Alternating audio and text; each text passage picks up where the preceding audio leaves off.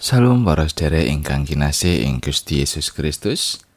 Sugeng pepanggihan malih ing adicara Sabda Winedar. Renungan patintenan basa Jawi. Sesarengan kita badhe ngegilut sabdanipun Gusti waosan kapendet saking setunggal Samuel bab itu ayat 3 ngantos gangsal welas. Saderengipun monggo kita ndedonga. Gusti Allah Rama kawula kasuwargan. Kawula sowan marek ing ngarsa paduka ngaturaken sembah puji lan panuwun syukur. Awit sedaya berkah pangrimat paduka ing gesang kawula. Duh Gusti, manah kawula sampun sumadyo badhe nampeni sabda paduka. Sumangga Gusti, mugi paduka maringaken sabda paduka menika ing manah kawula. Lan nuntun kawula ngecakaken dawuh paduka. Tasih kathah dosa panrak kawula Duh Gusti mugi Gusti kersa ngapunteni. Wonten ing asmanipun Gusti kawula Gusti Yesus Kristus kawula ndedonga. Amin. Setunggal Samuel bab itu ayat 3 ngantos gangsal welas Nabi Samuel nuli ngendika marang wong Israel saumat kabeh mangkene menawa kowe padha mratobat marang Sang Yewah kalawan gumulung ing atimu nyingkirno para Allah liyane lan para asitoret saka ing tengahmu lan andepno atimu marang Sang Yewah lan padha ngemungno ngabekti marang Sang Yewah. Panjenengane banjur bakal mitulungi kowe saka ing tangane wong Filisti. Wong Israel banjur padha nyingkirake para Baal lan asitoret sarta mung ngabekti marang Sang Yewa. Nabi Samuel banjur ngendika, Wong Israel padha kumpulna kabeh ana ing Mispa. Dene aku bakal ndongake kowe marang Sang Yewa.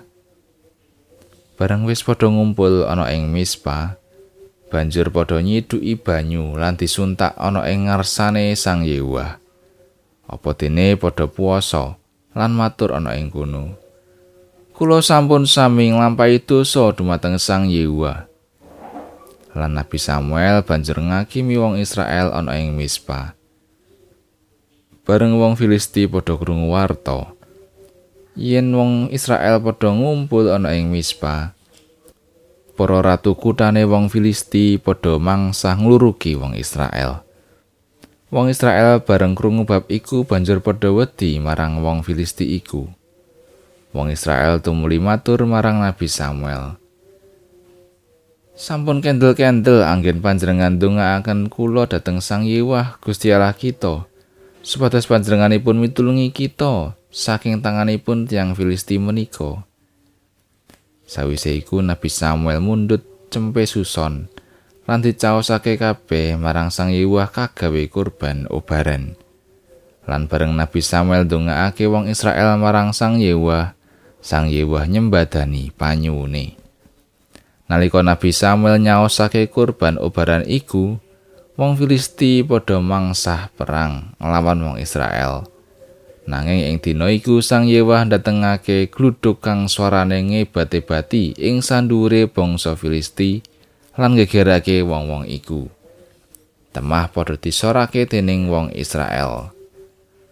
Wong Israel padha metu saka Mispa. Ngoyak wong Filisti lan ngecak wong-wong iku nganti tekan ing sangisore Betkar. Nabi Samuel banjur mundut watu lan diadekake ana ing antarane Mispa lan Yesana. Panjenengane maringi jeneng iku Ebenezer. Pangandikane, Sang Yewah wis mitulungi kita tekan ing kene. Mangkono wong Filisti iku ditelokake lan ora mlebu ing tlatah Israel maneh. Astane Sang Yewah nglawan wong Filisti sasugenge Nabi Samuel. Lan kutha-kutha kang dirayut dening wong Filisti wis bali marang Israel maneh. Wiwit saka ing Ekron tutup ing Gad. Lan wong Israel bisa ngrebut tlatah saubenge saka ing tangane wong Filisti. Wong Israel karo wong Amori padha rukun.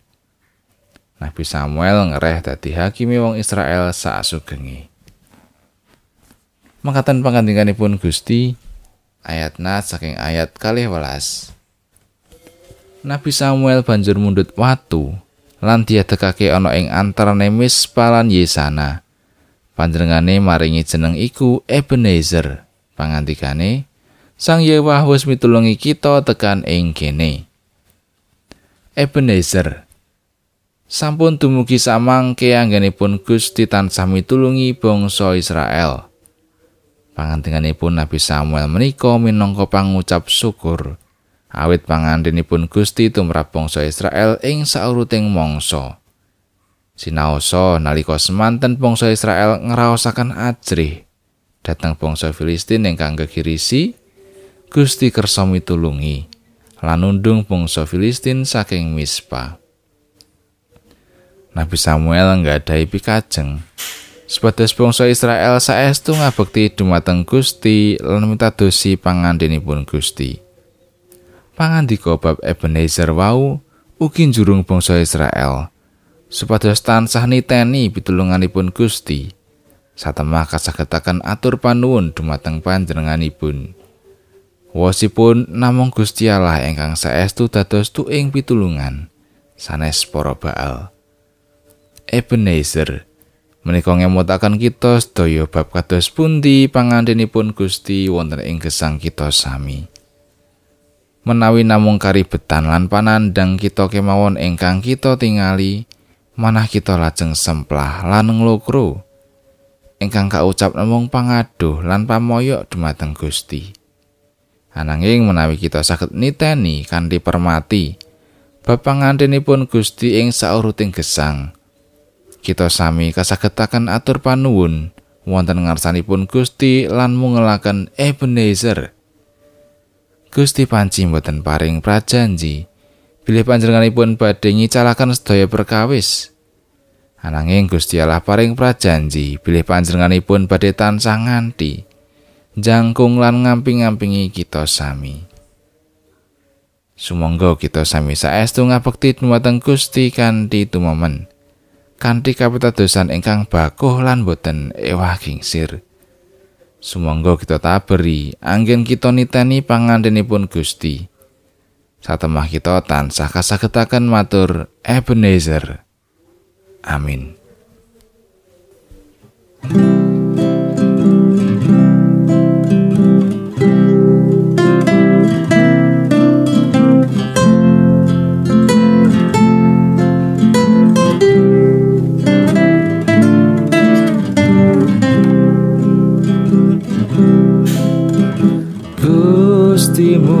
Gusti nuntun kawula amre tansah manut patuko Natian ribet kilirku manti.